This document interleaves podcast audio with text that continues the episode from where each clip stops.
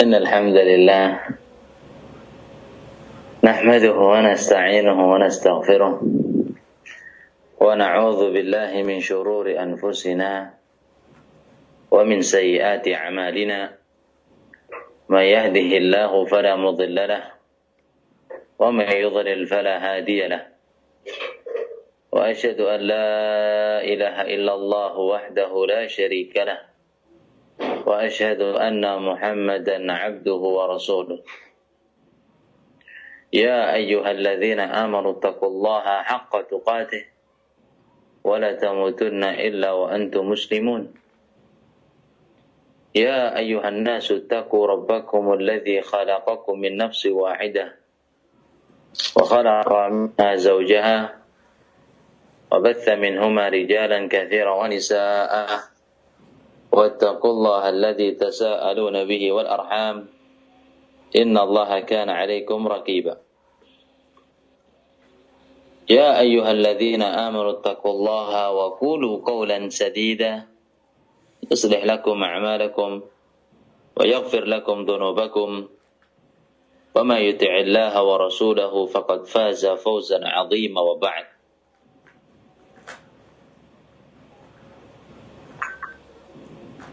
فإن أصدق الحديث كتاب الله وخير الهدي هدي محمد صلى الله عليه وعلى آله وسلم. وشر الأمور محدثتها وكل محدثة بدعة وكل بدعة ضلالة وكل ضلالة في النار. معاشر الإخوة رحمني ورحمكم الله والحمد لله.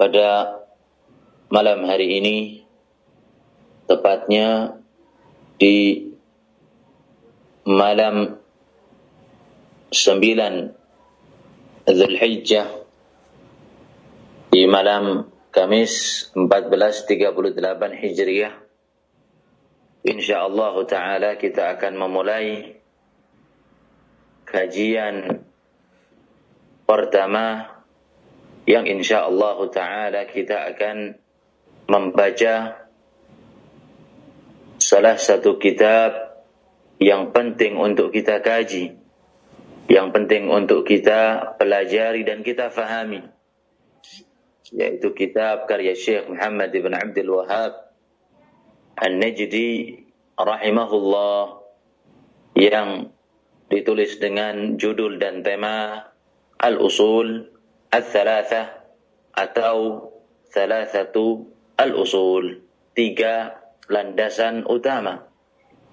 Di mana kitab ini mengajarkan kepada kita bagaimana seorang muslim memiliki aqidah yang benar, aqidah yang sesuai dengan bimbingan Al-Qur'an Al-Quran dan aqidah yang sesuai dengan bimbingan As-Sunnah An-Nabawiyah dan beraqidah sebagaimana aqidahnya para sahabat dengan pemahaman mereka.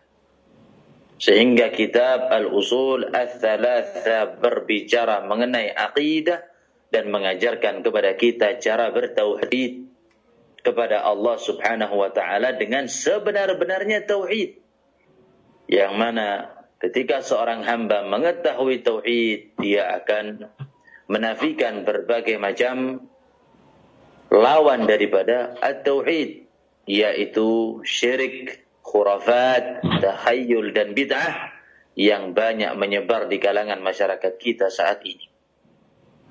Sehingga belajar tauhid, belajar akidah ini merupakan perkara yang amat sangat penting terlebih lagi bagi para tulabul ilm al-mubtadi'in. Bagi para penuntut ilmu yang masih pemula.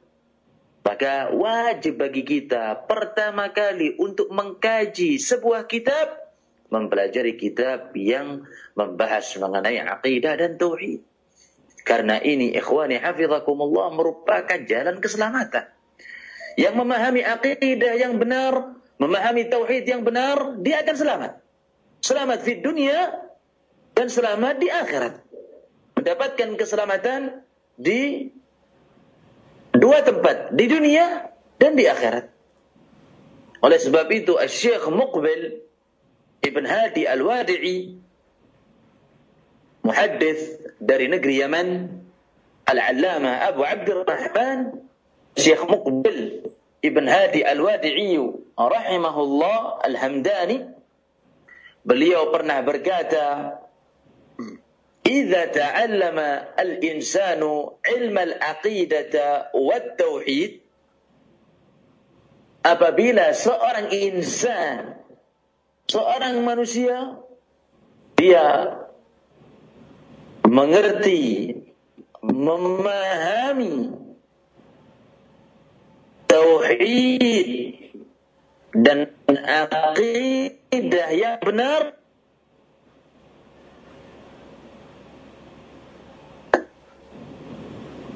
Ada diletakkan di daerah mana pun dia tinggal di tempat mana pun dia berada engkau tidak akan takut dari orang tersebut.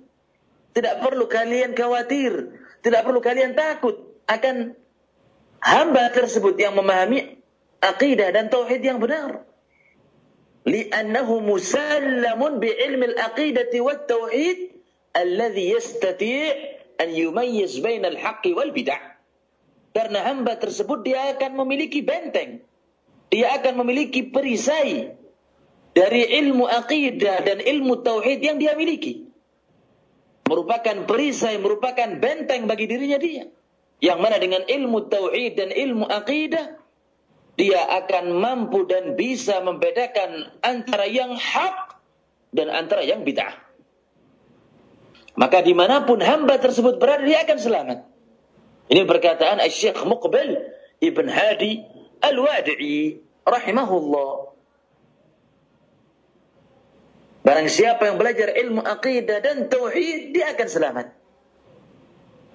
Diletakkan di mana pun dia berada, ilmu tauhid dan ilmu akidah akan menjadi dan benteng bagi dirinya. Oleh sebab itu, akidah dan tauhid merupakan perkara yang pertama kali harus kita pelajari. Oleh sebab itu Nabi alaihi salatu wassalam di dalam beberapa kesempatan ketika mengutus beberapa para sahabatnya untuk berdakwah ke luar negeri, keluar daerah di tempat yang lain, keluar dari kota Madinah yang selalu beliau wasiatkan kepada mereka untuk mendakwahkan tauhid.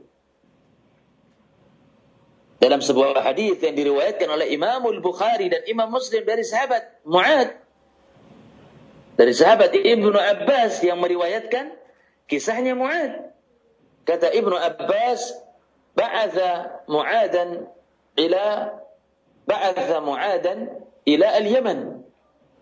Ketika Nabi alaihi salatu wassalam mengutus sahabatnya Mu'ad ibn Jabal untuk pergi ke negeri Yaman dari kota Madinah.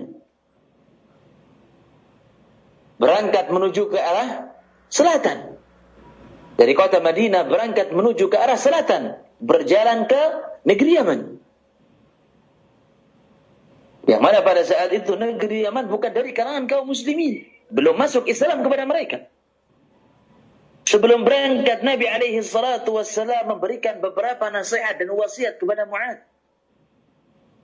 Kata beliau, "Innaka ta'ti qauman min ahli kitab."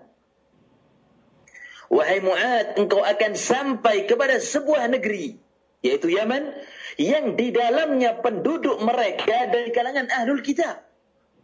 Rakyatnya dari kalangan ahlul kitab, warganya dari kalangan ahlul kitab. Yahudi maupun Nasara. Memang Yaman dahulu terbagi menjadi dua agama mereka. Di selatan Yaman, mereka beragama Nasara. Di utara Yaman, mereka beragama Yahudi. Adapun saat ini Nasara sudah tidak ada dan Yahudi sampai detik ini masih ada di Yaman. Turun temurun mereka agama masih mereka pegang oleh orang-orang Yahudi di negeri Yaman. Masih ada sampai sekarang. Yahudi dari negeri Yaman. Dan ini orang-orang tua mereka masih berpegang teguh dengan agama yang dahulu. Yang telah dibatalkan setelah datangnya Islam. Mu'ad bin Jabal dinasihati oleh Nabi alaihi salatu wassalam, "Wahai Mu'ad, engkau akan mendatangi sebuah negeri yaitu Yaman yang di dalamnya terdapat ahlul kitab Yahud dan Nasara." Falyakun awwala ma tad'uuhum ilaihi hendaknya yang pertama engkau dakwahkan kepada mereka setelah engkau tiba di negeri Yaman syahadatu an la ilaha illallah ajak mereka untuk memahami untuk masuk mengucapkan kalimat la ilaha illallah bersaksi bahwasanya tiada Tuhan yang berhak diibadahi melainkan Allah Subhanahu wa taala. Ini tauhid. Ini kalimat tauhid. Di dalam riwayat yang lain, innaka sata'ti qauman min ahli kitab falyakun awwal ma tad'uuhum ilaihi ila an yuwahhidullah. Yang pertama engkau dakwahkan kepada mereka agar seluruh umat manusia mentauhidkan Allah Subhanahu wa taala. Dari hadis di atas para ulama, sebagian di antara mereka berkata, "Fahadha al-hadits yadul ala anna awwal ma yabtadi' bihi talibul ilmi huwa janibu al-aqidati tauhid." Hadis di atas menunjukkan kepada kita bahwasanya pertama kali yang harus dipelajari bagi para tulabul ilmu, bagi para penuntut ilmu, bagi para pelajar untuk memahami, untuk belajar dan untuk mengkaji dari sisi akidah dan tauhid. Oleh sebab itu kitab ini penting untuk kita bahas. Kitab Usul Thalatha yang di dalamnya kita akan diajarkan bagaimana pembagian tauhid memahami kalimat tauhid. Di sana ada tauhid ar-rububiyah, di sana ada tauhid al-uluhiyah, di sana ada tauhid al-asma wa sifat dan beberapa aqidah ahlu sunnah wal jamaah. Ini penting untuk kita Pak fahami, untuk kita pelajari. Kenapa ya ikhwani? Apa hikmah kita diperintahkan untuk bertauhid kepada Allah Subhanahu wa taala? Yang pertama, karena ini tujuan diciptakannya umat manusia. Tujuan diciptakannya umat manusia tidak lain dan tidak bukan adalah bertauhid. Dalam surat Az-Zariyat Allah Subhanahu wa taala menegaskan dalam sebuah ayat atau dalam satu ayat yang insya Allah antum semua sudah menghafalnya. Wa ma khalaqtul jinna wal insa illa liya'budun. Tidaklah aku ciptakan ats-tsaqalain jin dan manusia melainkan untuk menyembah kepadaku. Ma uridu minhum min rizqin wa ma uridu minhum an yut'imun. Aku tidak butuh mereka memberikan rezeki dan aku tidak butuh mereka memberikan makanan. Allah Subhanahu wa taala Maha Kaya. Yang diperintahkan bagi umat manusia bertauhid, beribadah kepada Allah Subhanahu wa taala. Kata Ibnu Abbas, mufassir dari kalangan para sahabat, Beliau menegaskan segala ayat di dalam Al-Quran yang diperintahkan kita untuk beribadah wal murad bidzalika tauhid. Yang dimaksud ibadah di situ adalah tauhid. Wa ma khalaqtul jinna wal insa illa liya'budun. Tidaklah aku menciptakan jin dan manusia melainkan untuk beribadah kepadaku. Yang dimaksud di sini adalah untuk mentauhidkan aku. Mentauhidkan Allah Subhanahu wa taala.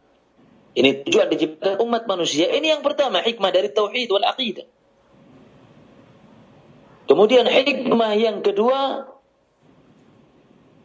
karena tauhid inilah diutusnya para rasul. Karena tauhid diutusnya para anbiya, para nabi, para mursalin utusan Allah Subhanahu wa taala. Dengan tujuan ini mereka berdakwah. Dengan tujuan ini, mereka diberikan kitab suci. Dengan tujuan ini pula, kemudian mereka disyariatkan untuk berjihad di jalan Allah Subhanahu wa taala. Untuk meninggikan kalimat la ilaha illallah dan untuk mengajak umat manusia masuk dalam agama Islam. Tujuannya apa? Karena sebab tauhid. Allah Subhanahu wa taala menegaskan di dalam Al-Qur'an Laqad ba'athna fi kulli ummatin rasulan an i'budu Allah wajtanibut taghut. Dan telah kami utus pada setiap umat, setiap umat sebelum umat sebelum umat kita. Setiap umat-umat terdahulu telah Allah Subhanahu wa taala utus pada setiap mereka. Allah Subhanahu wa taala utus pada setiap umat rasul dengan tujuan apa? Ani'budullah. Agar umat manusia seluruhnya beribadah mentauhidkan Allah Subhanahu wa taala. Mentauhidkan Allah kemudian melarang mereka dari lawan daripada tauhid yaitu berbuat syirik. Mengajak mereka untuk berbuat tauhid dan melarang mereka untuk berbuat syirik. Ani abudullah bertauhidlah kalian kepada Allah wajtanibut taghut dan jauhi taghut. Apa arti taghut Ibnu Qayyim Jauziyah kullu ma yu'bad min dunillah segala sesuatu yang diibadahi selain Allah maka itu adalah taghut. Baik itu syaitan, jin, malaikat, bahkan nabi, benda, kubur, pepohonan yang dianggap keramat, segala sesuatu yang diibadahi yang disembah selain Allah Subhanahu wa taala maka disebut sebagai tagut. Yang diperintahkan kita untuk meninggalkannya, menjauhinya dan diperintahkan kita untuk bertauhid. Ini tujuan setiap rasul diutus ke muka bumi. Begitu pula Allah Subhanahu wa taala menegaskan kepada nabinya Muhammad alaihi salatu wassalam, "Wa ma arsalna min qablika min rasulin illa nuhi ilaih. Wahai Muhammad alaihi salatu wassalam, tidaklah kami mengutus orang-orang sebelummu. Kami mengutus para rasul sebelum kamu melainkan memberikan wahyu kepada mereka. Itu kepada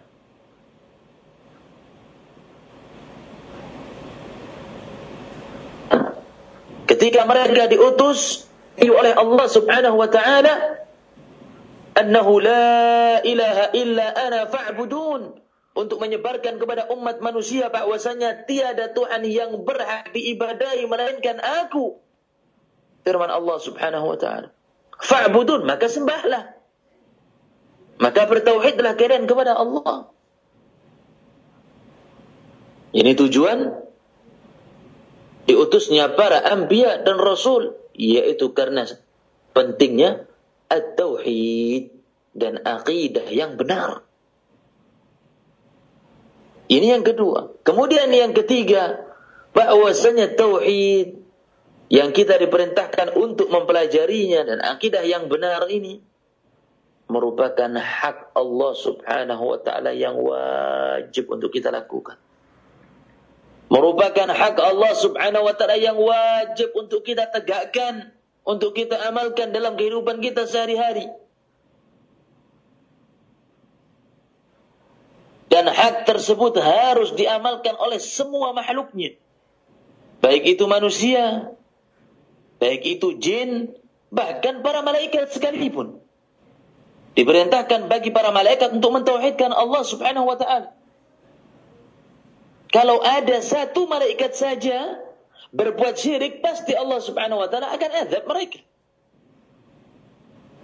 Dalam surat Al-Anbiya Allah Subhanahu wa taala menegaskan wa man yakul minhum inni ilahun barang siapa apabila para malaikat mengucapkan inni ilah aku Tuhan yang berat disembah apabila ada di antara para malaikat mengatakan bahwasanya aku adalah Tuhan yang berhak untuk disembah fadzalika najzihi jahannam pasti kami akan memberikan balasan kepada mereka dengan api jahanam, api neraka.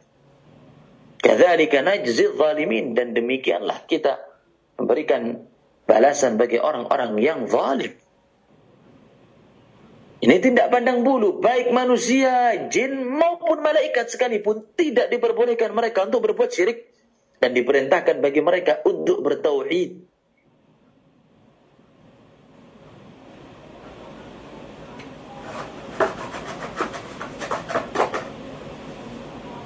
Dan hak ini, tauhid, akidah yang benar, tidak bisa ditebus dengan apa pun. Tidak bisa diganti.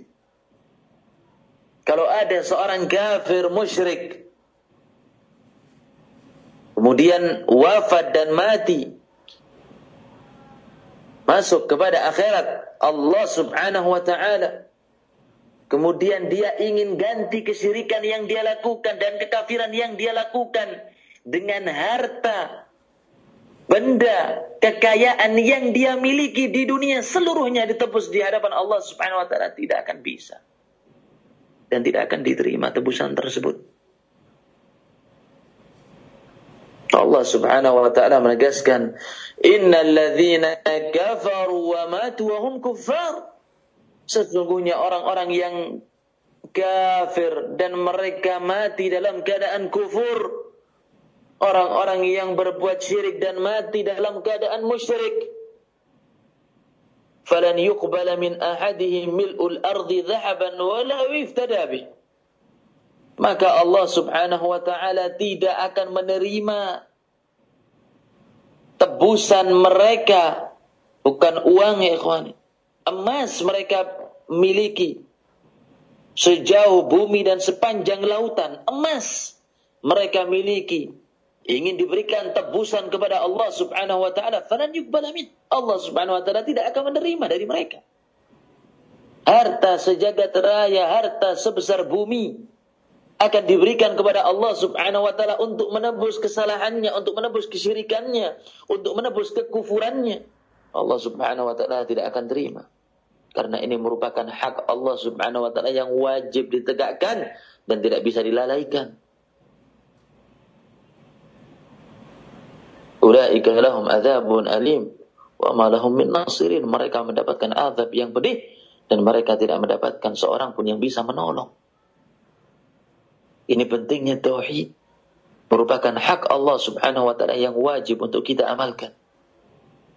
Begitu pula yang keempat, bahwasanya tauhid ini merupakan perintah pertama di dalam Al-Qur'an. Kalau kita melihat membuka mushaf Al-Fatihah kemudian setelah itu masuk surat Al-Baqarah. Lembaran kedua baru ada fi'il amr, kata perintah. Nah, di sini Allah Subhanahu wa taala di dalam tertib Al-Quran, kata perintah yang pertama, yaitu kata perintah untuk menegakkan tauhid. Allah subhanahu wa ta'ala menegaskan, Ya ayyuhan ubudu rabbakum alladhi khalaqakum walladhina min qablikum la'allakum tattakun. Ya ayyuhan nasu, umat manusia, u'budu rabbakum alladhi khalaqakum. Sembahlah Allah subhanahu wa ta'ala Tuhan kalian yang telah menciptakan kamu. Ini kata perintah pertama, u'budu rabbakum, sembahlah. Ini perintah. Ibadahlah, tauhidkan Allah subhanahu wa ta'ala Tuhan kalian yang telah menciptakan kamu. Dan yang telah menciptakan orang-orang sebelum kalian agar kalian semuanya bertakwa. Ini perintah pertama di dalam tertib mushaf Uthmani. Tertib di dalam mushaf kata fi'il amr pertama yaitu memerintahkan kita untuk menegakkan tauhid. Kemudian yang keenam bahwasanya tauhid ini merupakan sebab dan syarat sahnya sebuah amalan. Syarat sahnya amalan diterima dari orang-orang yang bertauhid. Selain orang-orang yang bertauhid, tidak Allah Subhanahu wa taala terima amalan ibadah mereka. Walaupun dia mengerjakan sholat lima waktu tepat, mengerjakannya sholat berjamaah di masjid, menjalankan ibadah puasa wajib dan puasa sunnah, mengeluarkan zakatnya pada setiap tahun, zakat yang wajib dan zakat yang mustahabbah, yaitu berupa sadaqah. Begitu pula pada setiap tahunnya dia melaksanakan ibadah haji ditambah dengan ibadah umrah. Semua itu tidak ada manfaatnya.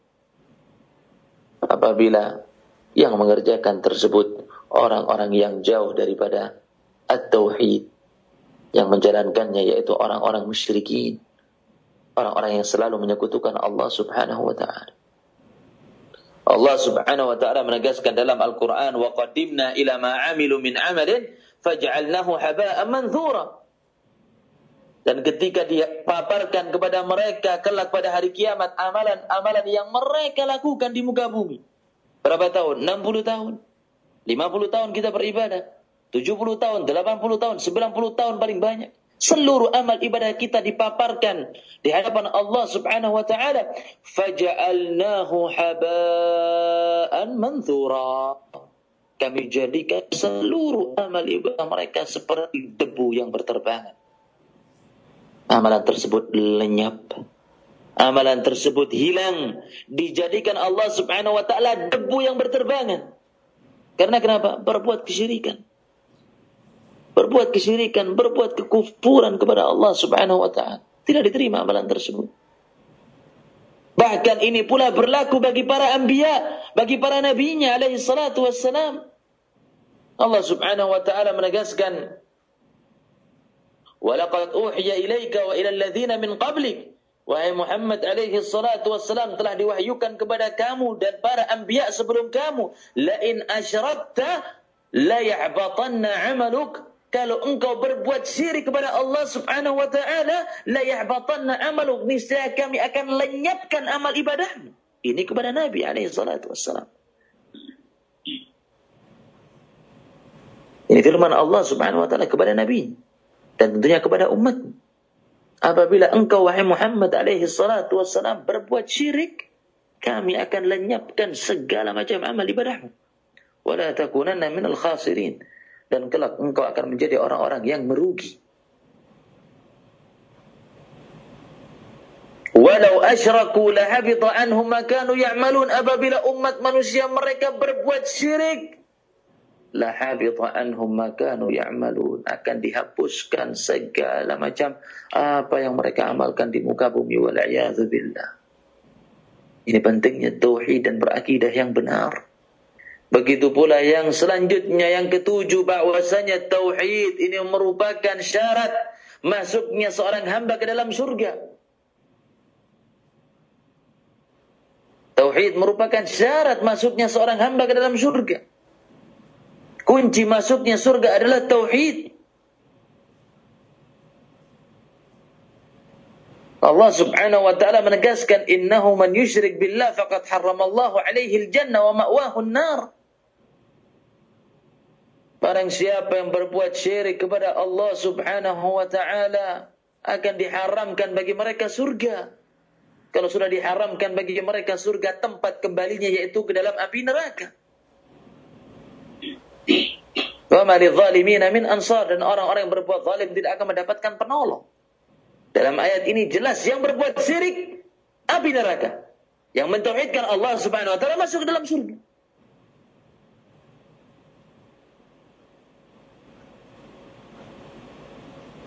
Orang zaman sekarang terlalu bermudah-mudahan.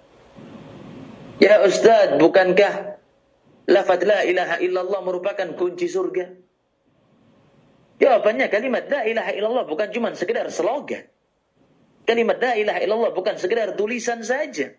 Kalimat la ilaha illallah dibaca, direnungi, berzikir dengannya dan difahami maknanya dan diamalkan dalam kehidupan kita sehari-hari. Kalimat la ilaha illallah bukan sekedar yel saja, bukan sekedar suara. Kalimat la ilaha illallah ada artinya. Kalimat la ilaha illallah ada rukunnya. Rukun kalimat la ilaha illallah ada dua. An-nafi wal izbat. Apa itu nafi? Apa itu izbat?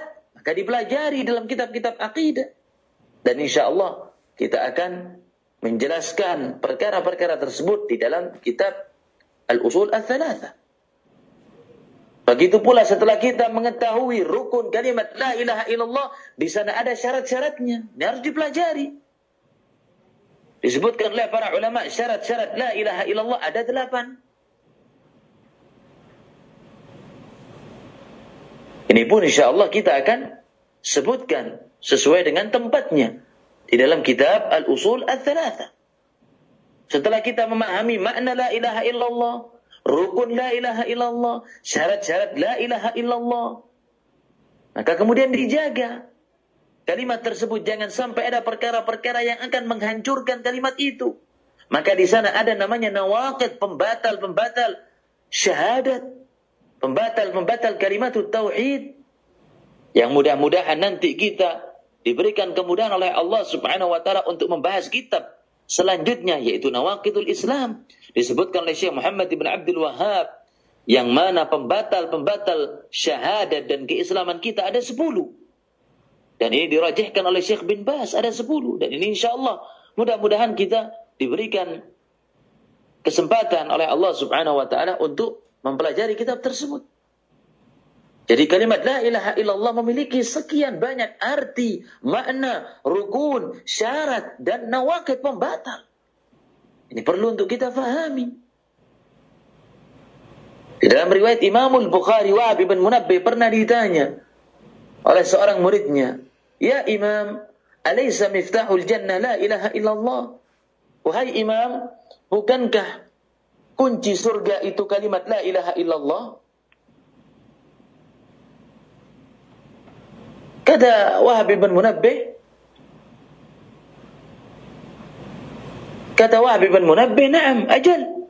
Ya, bahwasanya la ilaha illallah merupakan kunci masuk ke dalam surga.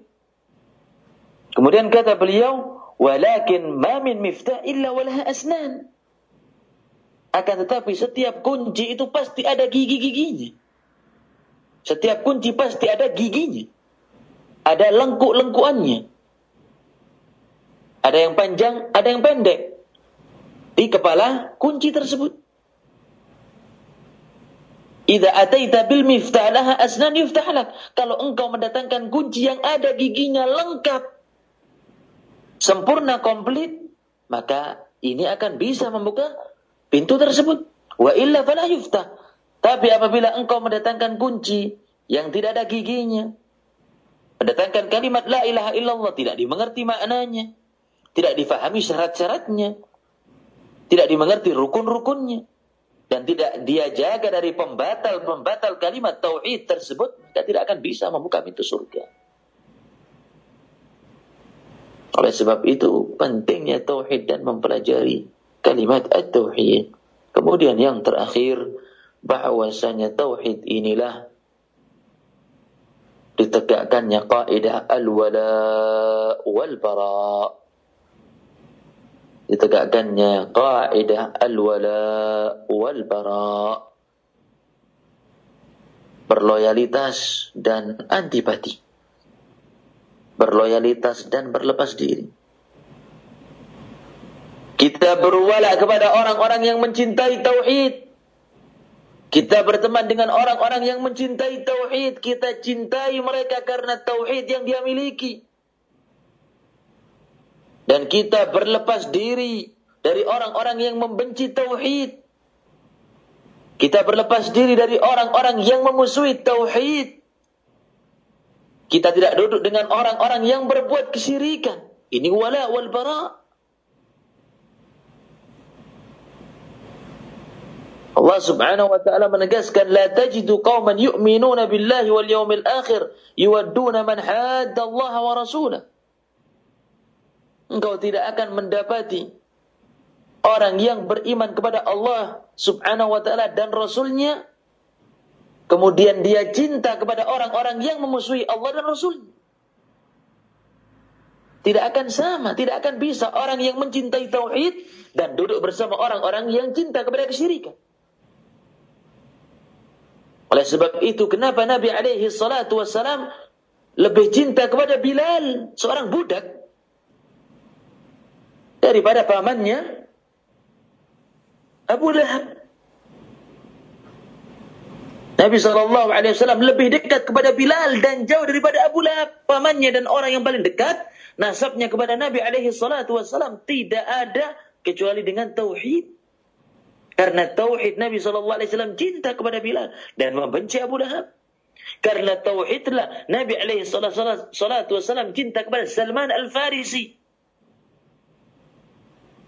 dari negeri Furs, dari negeri Iran.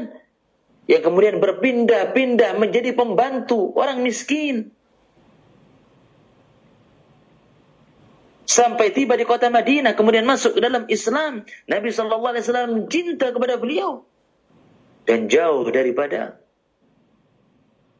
Abu Jahal, Abu Lahab, Uqbah bin Abi Mu'id, Umayyah ibn Khalaf daripada kalangan para pemimpin-pemimpin Quraisy yang mereka satu kabilah dengan dan satu suku dari Nabi alaihi salatu wassalam. Karena adalah tauhid tempatnya wala dan tempatnya bara loyalitas dan sikap antipati. Ini mungkin mukaddimah nah sebelum kita masuk ke dalam kitab mengenai pentingnya kita untuk belajar at-tauhid dan memahami akidah yang benar. Dan insyaallah taala uh, pada daras yang selanjutnya kita akan memulai untuk membaca nam kitab Thalathatul Usul atau Al-Usul Al-Thalatha. Dan kita akan menyebutkan secara ringkas tentang biografi dan profil فنولج كتاب ترشيح البيوت الشيخ محمد بن عبد الوهاب النجدي رحمه الله تعالى رحمة هنا والحمد لله جزاك الله خير زاد وإياكم حفظكم الله طيب sampai sini dulu. Jazakallah khair. Assalamualaikum warahmatullahi wabarakatuh. Waalaikumsalam warahmatullahi wabarakatuh.